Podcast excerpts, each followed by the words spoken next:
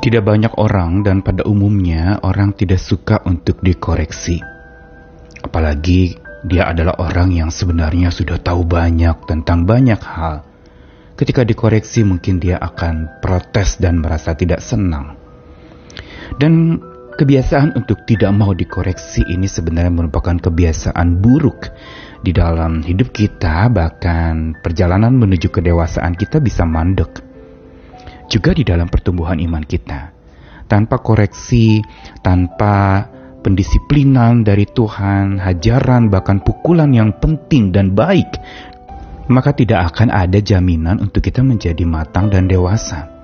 Bukankah orang-orang yang lalu kemudian menjadi pribadi-pribadi yang bersikap baik, yang menjadi makin matang di dalam kehidupannya, mengalami masa-masa di mana dia dikoreksi, masa-masa di mana dia dipukul, dihajar, didisiplin. Dan istilah disiplin sendiri sebenarnya bukan semata bicara soal didikan.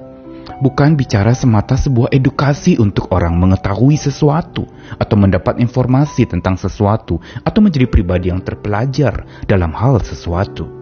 Tetapi bicara yang namanya disiplin itu adalah betul-betul menjadikan seseorang itu berjiwa murid, mau belajar dan tak pernah henti untuk belajar.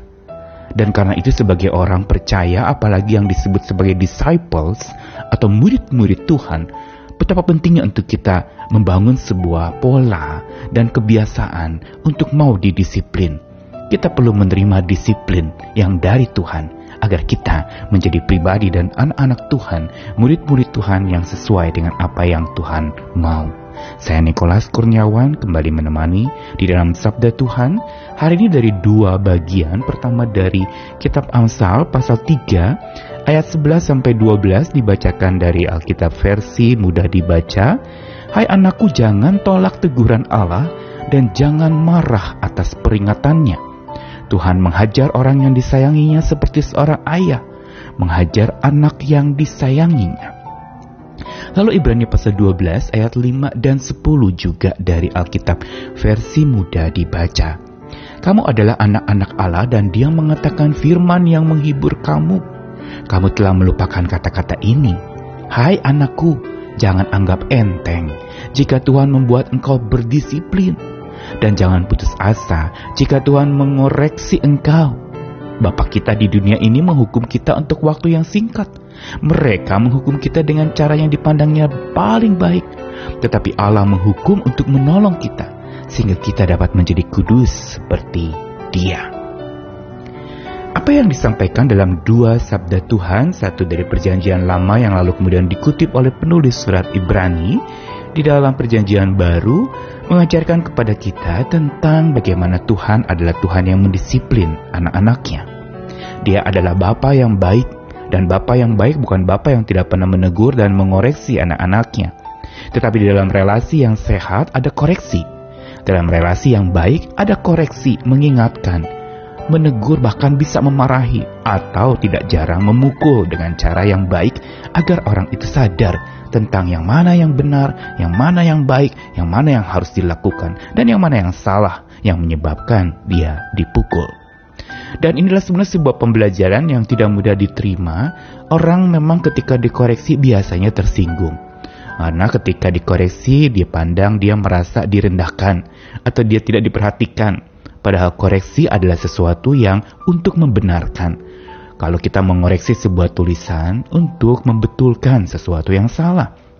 Dan inilah sebenarnya yang ada dalam kandungan disiplin yang Tuhan kerjakan Berbeda dengan disiplin yang manusia lakukan, yang sering kali dipandang sebagai satu amarah, murka, pukulan yang menyakitkan, yang akhirnya malah bukan membina tapi membinasakan. Tetapi disiplin yang dari Allah adalah justru untuk membina, untuk menjadikan pribadi itu menjadi matang, kuat, dan dewasa. Teguran dari Tuhan, amarahnya, peringatan-peringatannya itu justru untuk membuat seseorang menjadi pribadi yang dewasa, pribadi yang indah di mata Tuhan, dan pribadi yang diperindah oleh Tuhan sejauh kita mengindahkan suara Tuhan. Karena itu apa yang dikatakan dalam dua bagian sabda Tuhan hari ini mau ingatkan kita untuk belajar menerima disiplin. Menerima disiplin yang Tuhan kerjakan Memang disiplin manusia terbatas, tapi disiplin Tuhan adalah sebuah disiplin yang malah menghibur, dikatakan tadi dalam ayat yang kelima Ibrani pasal 12. Dia mengatakan firman yang menghibur kamu. Kamu melupakan kata-kata yang menghibur itu, yaitu jangan anggap enteng jika Tuhan membuatmu berdisiplin, jangan putus asa jika Tuhan mengoreksimu.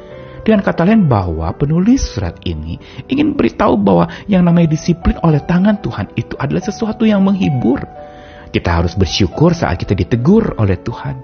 Kita harus bersyukur saat kita dikoreksi oleh Tuhan karena berarti Dia masih sayang kita. Dia masih ingatkan kita supaya kita tidak jatuh dalam sebuah jerumus akan kesalahan yang makin jauh dan makin membuat kita tidak sadar diri. Tapi Tuhan justru menghukum kita seperti Bapa yang menghukum dengan satu cara yang paling baik, menghukum untuk menolong dan menyelamatkan kita agar menjadi pribadi-pribadi yang matang dan jangan lupa disebutkan kata Bapa yang berarti disiplin yang Tuhan kerjakan itu adalah sebuah disiplin untuk supaya hubungan makin terjalin. Disiplin yang bukan menjaga jarak, memarahi lalu mengabaikan dan tidak mengingatkan dia atau menjelaskan kenapa saya marah kepada dia, tetapi disiplin Tuhan itu membuat hubungan makin terjalin. Dan kalau hubungan dengan Tuhan makin terjalin, maka hubungan dengan sesama juga makin terjalin dengan baik. Dan kalau hubungan sudah makin terjalin dengan baik, kedewasaan juga makin terjamin dengan baik. Karena itu, mari kita ingat bahwa disiplin oleh tangan Tuhan itu selalu seperti Tuhan sedang memilin kita, memintal kita agar makin terjalin kita dengan Tuhan, dengan sesama kita, dan makin kedewasaan kita terjamin. Mari kita belajar dan bersyukurlah saat ada teguran dari Tuhan, saat Tuhan ingatkan kita lewat berbagai macam cara, entah penyakit, entah kebangkrutan, entah kegagalan, entah berbagai macam pergumulan. Tuhan mau mengoreksi hidup kita agar relasi dengan Dia makin terjalin, agar dewasa kita akan makin terjamin. Selamat didewasakan, selamat didisiplin oleh kasih Tuhan. Amin.